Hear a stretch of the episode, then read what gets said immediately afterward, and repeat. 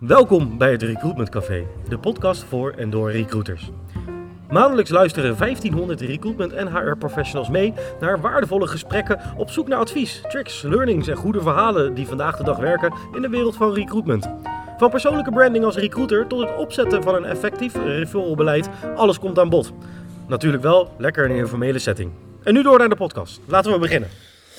Uh, welkom bij het uh, Recruitment Café, uh, Blogtalk. Ehm, op onze website vind je namelijk regelmatig blogs over recruitment van onze specialisten.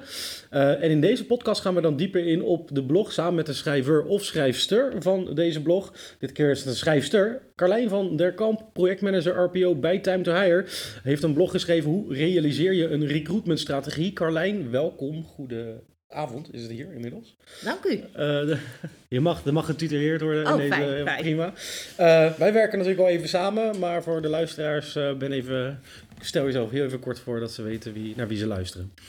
nou, ik ben Carlijn van der Kamp, sinds 2021 werkzaam bij Time to Hire als projectmanager RPO. En daarvoor zeven jaar bij Friesland Campina gezeten als recruiter en recruitment manager. Mm -hmm. En ook nog bij een werving- en selectiebureau. Oké, okay, top. En ik woon in Amsterdam, voor wie dat interessant vindt om ja, te weten. Ja, misschien willen ze opzoeken, dat weet ja, ik niet. weet het niet. Uh, en de vragen die je bespreekt binnen deze blog is eigenlijk het maken van strategisch recruitmentplan. Staat op heel veel prioriteitenlijstjes. Zeker. Uh, eigenlijk weten misschien heel veel uh, mensen nog niet waar ze dan precies moeten beginnen. want hoe zet je dat op en hoe koppel je eigenlijk je organisatiedoelen aan je recruitmentdoelen? Um, en je begint eigenlijk in je blog uh, met de, eigenlijk de opmerking: kijk goed naar je organisatiedoelstellingen. En dan is mijn vraag: waar kijk je dan precies naar vanuit een recruitment oogpunt om uiteindelijk je recruitmentstrategie neer te zetten? Nou, je moet kijken naar wat je als organisatie wil gaan realiseren. En vaak heeft een organisatie ook een lange termijnvisie. Althans, dat hoop ik. Ja.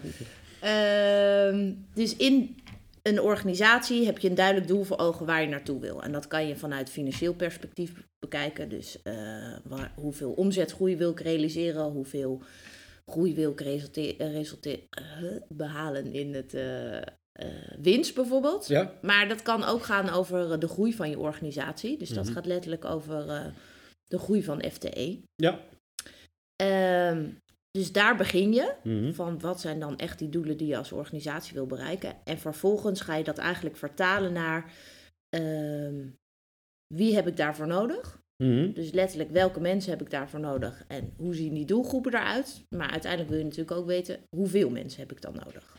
Ja. En idealiter maak je dan een plan voor drie tot vijf jaar. Zodat je minder ad hoc gaat werven. ja. Eh, en echt die lange termijnvisie daarin neerzet. En los daarvan heb je natuurlijk ook nog de invloed van verloop. Ja. En dat is dan een beetje ad hoc wat je erin moet passen.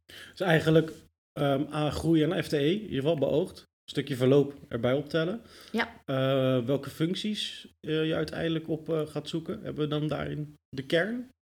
Ja, Dus zeg je maar zo, het, in, zo eh, simpel, zo basic eigenlijk? Zo om- simpel kan het gewoon zijn. Ja, dus je, letterlijk kijken naar van eh, welke afdelingen moeten er bijdragen aan die eh, organisatiedoelstellingen en hoe moeten zij dus dan groeien.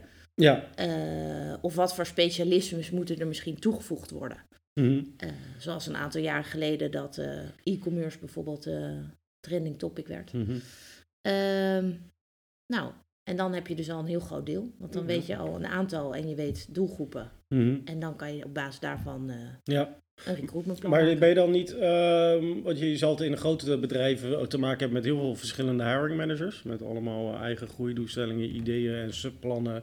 Eh, ga je dan ook bij al je hiring managers eerst langs of ga je dan gewoon verder het plan schrijven? Waar, waar zit hem daarin? Nou, binnen hele grote organisaties heb je vaak business units, bijvoorbeeld. Dus dan zou je het eerder beginnen bij eh, de HR-verantwoordelijke van zo'n business unit en eh, de business unit manager. En vanuit daar bespreken van, goh, wat heb jij binnen jouw unit nodig? En dan vervolgens ga je dat, al die units aan elkaar plakken en dan kom je bij een totaal. Oké, dus, dus bij een grotere zou je wel... Dus je moet iets hoger over en niet bij de specifieke manager. Want als je iedere manager van een team vraagt en je zit bij een hele, heel groot bedrijf, dan eh, nou, ben je misschien wel vijf jaar verder voordat je alle informatie hebt en dan is het alweer achterhaald. Oké, okay. zeg maar so far so good. Je hebt als uh, recruitment manager al deze stappen doorlopen, mensen gepraat, iedereen een beetje dezelfde lijn op. En dan vraagt natuurlijk het management boven, ja, maar wat gaan de kosten dan? En dan, hoe ga je daarmee te werk? Want uiteindelijk is het natuurlijk soms ook wel eens lastig inschatten hoeveel nou ja, kost per hire, time per hire, time to hire, waar je daar moet gaan zitten, zeg maar. Want ja, je wilt natuurlijk ook wel een beetje een realistisch budget vragen, neerleggen. Ja, Nee, ja, dit gaat natuurlijk niet. Uh, het, ligt er maar net aan hoe groot het bedrijf is, hoe complexer het wordt. Dat is eigenlijk uh, zo, zo simpel is het eigenlijk ook wel weer. Ehm, maar als je weet van, nou, we willen uh, komend jaar, ik noem maar wat, 200 mensen aannemen, Mhm. dan kun je wel bedenken hoeveel recruiters heb ik daar bijvoorbeeld voor nodig. Dus dan kan je in ieder geval je FTE van recruiters berekenen. en dan kan je ook nog bedenken, wil ik deze mensen in dienst? Wil ik ze inhuren? Of wil ik misschien samenwerken met een partij om dat te realiseren? Uh, en op basis daarvan kun je dan weer een inschatting maken van die kosten. En dan heb je nog natuurlijk alle tools die je uh, nodig hebt om zichtbaar te zijn als organisatie. Dus ja, je moet ook... awareness waar we zo nog op ja. komen. Ja. Um, dan vraag ik me zeg maar eerst even af, even misschien een zijstapje.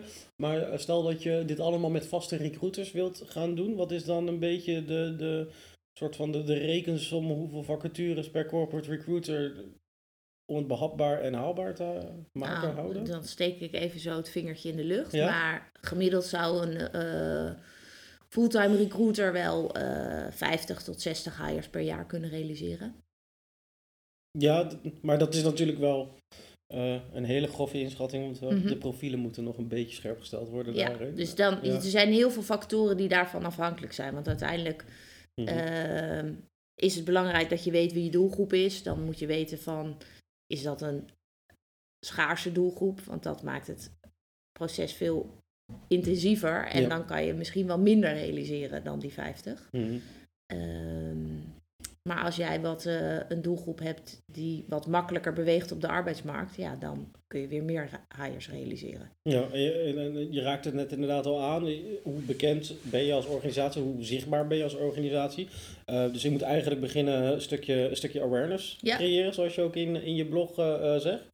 Um, dus eigenlijk door te werken aan een sterk employer brand en heldere visie, verhoog je je zichtbaarheid, zoals je zegt. Uh, wat bedoel je daar precies mee? Want nou, hoe je het eigenlijk moet zien is dat uh, als je het heel simpel maakt, je hebt een kandidaat op de arbeidsmarkt en die moet weten dat jij bestaat als werkgever. Mm, stap 1. Dat is stap 1. Ja. Uh, nou, om dat te realiseren, ga je marketing doen op basis van jouw werkgeversmerk of Mhm. Employer brand, als je het in het Engels wil zeggen. Um, dus je wil in ieder geval dat mensen weten dat jouw bedrijf bestaat, weten welke naam erbij hoort en idealiter ook nog een beetje dat ze een beeld krijgen van die organisatie. Um, dat is awareness, heel Mhm. simpel gezegd. En vervolgens kan je dat dan weer gaan specificeren op een doelgroep, door echt de taal van die doelgroep te gaan spreken. En dat gaat mensen echt tot beweging Mhm. aanzetten. Maar hoe ga je nou zorgen dat uh, awareness is natuurlijk uh, uh, logisch, dat klinkt logisch, maar uiteindelijk moet je natuurlijk wel bepaalde punten uit je organisatie halen waarmee je awareness gaat creëren. Creëren, Ja. Dus hoe als hoe je ga je bepalen waarmee je mee de boer op gaat? Om Nou, met een heel eh, duur woord heet dat je employer value proposition. Mhm. Eh, en eigenlijk is dat gewoon waar je als werkgever voor wil staan. Dus Mhm. bij veel bedrijven zul je daarin terugzien wat zijn de kernwaarden van het bedrijf. Ja. Ehm, nou, wat je kernwaarden zijn, is fijn dat je dat uitdraagt naar de buitenwereld toe. Maar het moet ook leven intern, want anders dan eh, Mhm. komt de boemerang vanzelf weer terug. Ja. Ehm, ja, en ja, eigenlijk moet je gewoon, je kan het heel simpel maken. Wat wil je als kandidaat weten over een nieuwe werkgever? Mhm. Dus je wil iets weten over de cultuur. Je wil iets weten over hoeveel mensen werken daar. Waar zit het bedrijf? Wat doet het bedrijf? Ehm, waarom is het leuk om daar te werken? Maar Dat- die, die informatie bijvoorbeeld kan je dan ook weer ophalen door mensen intern weer te interviewen. Waarom werk jij hier? Of Ja, ja uiteindelijk als, als je simpel eigenlijk. trotse medewerkers hebt, Mhm. dat is een heel groot deel. Want dat is natuurlijk ook, eh, Mhm. ja, als je op een verjaardagsfeestje de vraag krijgt waar werk je, eh, dat is eigenlijk al eh, de helft van je employer brand. En idealiter dat wat mensen op een verjaardagsfeestje vertellen, is ook wat jij uitdraagt als bedrijf, want dan Ja. klopt het ook. Ja, eigenlijk eh, de elevator pitch die je medewerkers doen op deze vraag op verjaardagen, dat is eigenlijk, als, als dat goed gaat, dan ben je al eigenlijk wel heel ver. Ja, dan, ja. Ja. Maar, maar stel dat je nu nog al- als, als bedrijf luistert, als recruitment manager, recruiter luistert en denkt, ja, eigenlijk moeten we hier nog wel echt mee beginnen. ja. We, ehm, want we hebben het hier over eh, misschien wel over jaarplannen, maar eigenlijk ook langer, want de organisatiedoelstellingen gaan wat vaker over meer dan een jaar. Ja. Waar moeten we dan aan denken, hoe lang dit gaat duren om dit op poten te zetten en er misschien ook resultaat van te zien? Eh, nou, dat is een goede vraag, want recruiters en de- dus ook recruitment managers willen natuurlijk graag resultaat. Ja, liever Eh, gisteren dan vandaag. Maar, Precies, Ja. dat ook nog. Ehm, dus ik zou zeggen, ehm, nou, dat noem ik volgens mij ook in mijn blog. Wij binnen Time to Hire werken we met het eh, Recruitment Success Framework. Ja. En dat helpt dus heel erg om dingen op te knippen. En als je dingen opknipt, kan je daar verschillende projectjes van maken. En uiteindelijk moet je ook zeggen, ik begin met iets en vervolgens ga ik dat weer optimaliseren. Want Mhm. je hebt het natuurlijk nooit in één keer. En als je ehm, begint, eh, dan zet je iets neer, maar vervolgens moet je dat natuurlijk weer bijschaven. En dingen kunnen ook weer veranderen. Ja, Dus soms moet je ook gewoon zeggen, we gaan het gewoon doen. In plaats van, eh ja, eindeloos ellenlange... plannen schrijven. Ja, precies. ja. En ik denk dat dat voor veel mensen, eh, als je het hebt over hoe schrijf ik nou zo'n recruitmentstrategie, dat veel mensen een beetje blijven hangen in van ja, dat is dan een plan en dan moet ik heel lang schrijven. En dan Mhm. zien ze zo'n ellenlang Word-document voor zich. Nou, dan Ja. De meesten denken dan, nee, Nee. het is zeker geen thesis. Oké, oké. Dus, dus, dus ehm, En je kan ook, ehm, ja, uiteindelijk moet je vooral doen waar je goed in bent. Eh, en als je er misschien zelf wat minder goed in bent, ja, je hebt natuurlijk ook eh, talloze experts die je kunnen helpen. ja, Dus je kan ook eh, ja, een partij vragen om jou te helpen om dat goed neer te zetten. Maar ik denk Mhm. dat het belangrijkste is dat je vooral ook even echt naar binnen kijkt en ziet van welke mensen werken hier, waarom werken ze hier en wat dragen deze mensen uit. ja, En dat is vaak eigenlijk al de kern van je employer brand. ja. Dus maar eh, je, uiteindelijk heb je natuurlijk met, met awareness heb je eigenlijk te maken met misschien wel een communicatieplan, een marketingplan, waar veel overlap op zit, denk ik. Uiteindelijk doelgroep, Ja. je, je boodschap, wat, wat wil je uit? Ja, dus je ziet ook vaak dat eh, employer branding moet natuurlijk ook kloppen, zeg maar, met...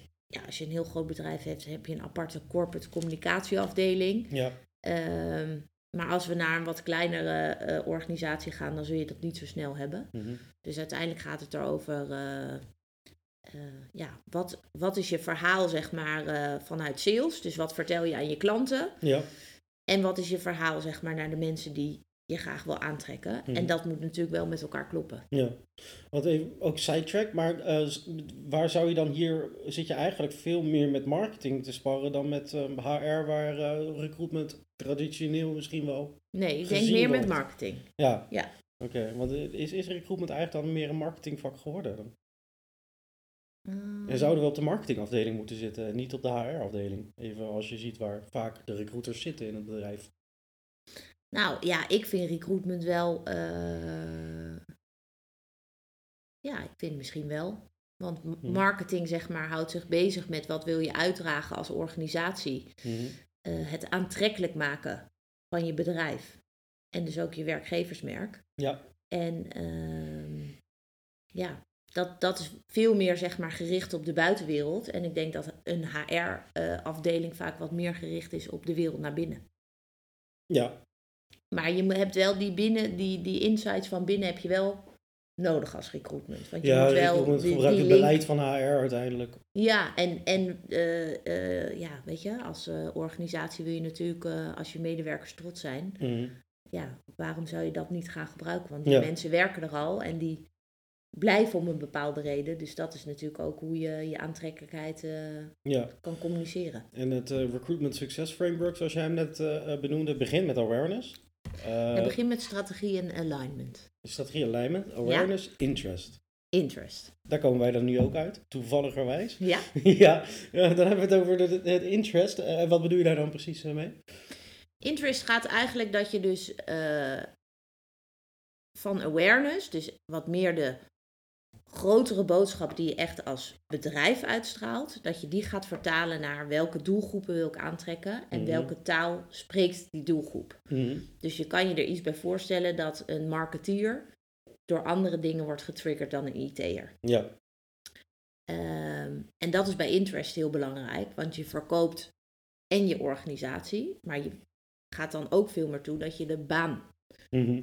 eh, of de vacature Ja. Wil gaan verkopen. Dus awareness is inderdaad het grotere plaatje waar het bedrijf voor staat, wat ze doen, eh, kernwaardes. En uiteindelijk filter je dat door eigenlijk meer naar functieprofiel. Ja. Om bij interest te komen die een bepaalde doelgroep aanspreekt. Ja, en eigenlijk zou je zelfs nog kunnen zeggen dat je van het bedrijf gaat naar een afdeling of een discipline. Mhm. En dan zeg maar kun je het nog verder gaan trechteren. Want dat Ja. is eigenlijk zeg maar ook hoe het succesframework werkt. En hoe natuurlijk die kandidatenfunnel in recruitment werkt. Ja. Is dat je gaat trechteren door het steeds specifieker te maken. Mhm. Maar dat in de tussentijd iemand wel op meerdere momenten je bedrijf tegenkomt. ja, precies. Dat je in, in de marketing funnel terechtkomt eigenlijk. Ja, Oké, en, en daarin glij je steeds verder naar een funnel toe, om het zo te zeggen. Waardoor die, of stel dat je een developer bent, op een gegeven moment uitkomt bij oh, wat voor technieken gebruiken ze daar dan. Ja. En dat je daar steeds. Ja, ik, ik, je kan het ook heel simpel uitleggen gewoon in marketing. Als jij, eh, eh, ik noem maar wat, je wil een thee hebben om Mhm. s ochtends te kunnen drinken. Ja. Dan zijn er meerdere opties. Of je wordt getriggerd doordat je misschien een reclame ziet op tv. Of je ziet iets, eh, een abri bij de bushalte. Of je ziet iets in de krant staan. Of je ziet Mhm. een banner op nu.nl. Eh, en dat kan, dat kan jou triggeren door te denken, dat merk thee ga ik kopen. Maar het kan ook zijn dat je in de supermarkt staat en denkt, hé, hey, de thee is op. En je loopt naar het schap. Mhm. En dan word je misschien wel getriggerd door eh, eh, wat er in de aanbieding is. Of omdat die verpakking er heel aantrekkelijk uitziet. Mhm. Maar het kan ook zijn dat het onderbewuste dat je die televisiereclame gisteren hebt gezien, toch maakt dat je het gaat kopen. En zo heb je dus meerdere momenten Mhm. dat je eigenlijk, eh, nou, het brein wordt gevoed met, hey, in die reclame zag dat kopje thee er heel lekker uit. Oh, als ik nu daadwerkelijk thee nodig heb, word ik dus getriggerd doordat dat ergens onbewust is opgeslagen. En, eh, Nee, ja, nee, ik. ik eh, dus, dus dat is ook een beetje hoe het werkt met een werkgeversmerk. Want je Ja. ziet ook ehm, misschien wel iemand heel enthousiast iets vertellen op een LinkedIn-post. Eh, je ziet misschien wel een advertentie op LinkedIn. Je ziet iets voorbij komen op Instagram. mhm. En dat kan allemaal nog in general gaan over een organisatie. Maar uiteindelijk komt er dan iets eh, dat je toch denkt van... hé, hey, daar zoeken ze een recruiter. En dan ga ik pas echt aan. Ja, Eh, En ik zou niet aangaan als het een IT-specialist was. nou hebben we dit gehad. Eh, eh, awareness, interest. Ja. Zijn we nu klaar? Of, eh, Nee, Nee, we beginnen net. We beginnen net. We Oh, beginnen oké, net. Oké, wat komt er dan? Nou, na de, na de interest, dus dan zit je nog eigenlijk op die doelgroep. En dan wil je nog steeds verder in die trechter. Dus Mhm. dan ga je het nog meer van de doelgroep, ga je het dan eigenlijk specificeren naar welke banen zijn er dan daadwerkelijk. Dus Mhm. dan eh, ga je naar jobmarketing. Ja. Ehm, nou, dat gaat over een aantrekkelijke vacaturetekst. Dat gaat over waar is de vacature zichtbaar. Dus op je eigen website, dat het daar er allemaal mooi uitziet. Dat eh, je zichtbaar bent op LinkedIn. Ga je nog op andere social media kanalen, ga je misschien wel zo'n banner op nu.nl plaatsen, omdat Mhm. je doelgroep daar zit. Ehm, maar dan wordt het ook heel belangrijk in het verhaal, wat heeft deze baan te bieden? Dus dan schuift soms, iemand moet getriggerd zijn door het bedrijf, maar uiteindelijk moet het ook gaan over, eh, ja, iemand wil toch ook een leuke baan. Dus Ja. de inhoud van de baan blijft nog steeds eh, een Mhm. belangrijke overweging om wel of niet voor de baan te kiezen. Ja. Eh, en zolang je nog geen contact hebt met het bedrijf, moet dat natuurlijk ook allemaal goed zijn. Ja. Nou, en dan komt het moment dat. dan kan je een beetje twee sporen beleid hebben. Of een kandidaat denkt: ik ben zo getriggerd hierdoor, ik solliciteer zelf. Of het kan zo zijn dat je misschien wel samenwerkt met sourcers. Ja. En door al deze prikkels die die kandidaat heeft gekregen. en dan nog een heel leuk bericht van die sourcer. Mhm. dat hij denkt: hé, hey, hier ga ik eens even voor zitten Ja. om dat te lezen. Eh, en dat je dus opvalt dan Mhm. in die mailbox van die kandidaat. Ja. Maar wa- wat mij dan eh, ook nog opviel in, in, in jouw blog, zeg maar, verandert er iets in een organisatiestrategie? Bekijk in hoeverre ook jouw recruitmentplan moet aanpassen.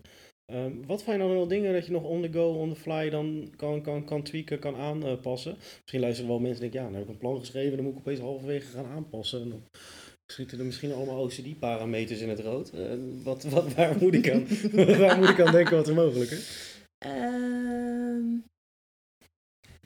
nou, ik denk, ehm, nou bijvoorbeeld zeg maar wat ik net zei, dat kwam natuurlijk niet helemaal uit de lucht vallen, zo'n e-commerce. Mm maar dat is natuurlijk wel iets wat misschien voor sommige bedrijven, die misschien nog wat minder bezig waren met de webshop en online verkoop, nou, een coronapandemie, mm zal er zeker toe hebben bijgedragen dat de online verkopen zijn gestegen. Ja. En dus, dus de met focus naar die mensen die dat kunnen bewerkstelligen. Precies, dus dat betekent ook dat uh, ja, alles wat daarmee samenhangt, dat dat ook helemaal goed ingericht moet zijn. En misschien wordt dat dan wel veel belangrijker dan uh, ja, dat uh, iemand de events uh, organiseert uh, buitenshuis. Want ja, die zijn er dan bijvoorbeeld even niet. Dus dat soort dingen kunnen wel, da dan moet je gaan mm schakelen. En voor de mensen die, die luisteren en die zeggen, ah, ik vind het wel fijn om, om een goed voorbeeld, of, of misschien dat ik ergens naartoe kan gaan op een website. Wil een, een, een voorbeeld van een bedrijf, organisatie waarvan jij gelijk over de top of je mind zegt, ja, die hebben, als het gaat om, om, om dit soort strategieën neerzetten, die they did it right.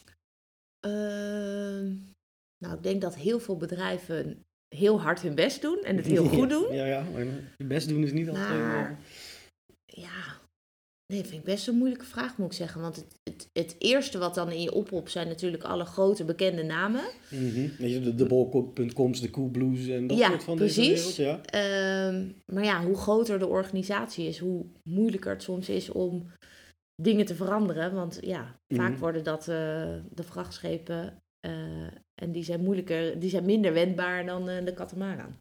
Ja, ja, zeker. Dus ja, misschien ken ik wel niet een organisatie die die katamaran is, die het veel beter voor elkaar heeft dan die bekende naam. Ja, precies. Dus nee, ik kan niet één specifiek bedrijf in het zonnetje zetten. Oké. Nee, nee, geef niet, maar dan uh, ben ik benieuwd uh, naar de mensen die het luisteren. Van, joh, uh, denk er zelf eens goed over na. Wat zijn nou de, de voorbeelden als het, als het hier om, om gaat? kleine, kleine naambrander, wat is nou de grootste valkuil in dit hele proces als recruitment manager, recruiter, als je hiermee bezig bent? Nou, ik denk dat de grote valk. Het is makkelijker als je één doelgroep werft. Mhm. Dus als jij een, ik noem maar wat, een IT-dienstverlener bent. Mhm. En je moet heel veel verschillende soorten IT'ers binnen je organisatie hebben. Dan nog steeds vallen ze wel allemaal in één groot bakje, namelijk de IT'er. Mm dus dat is soms makkelijker. Ja. Um, dan als je ook nog een enorme diversiteit aan doelgroepen hebt. Pick your battles?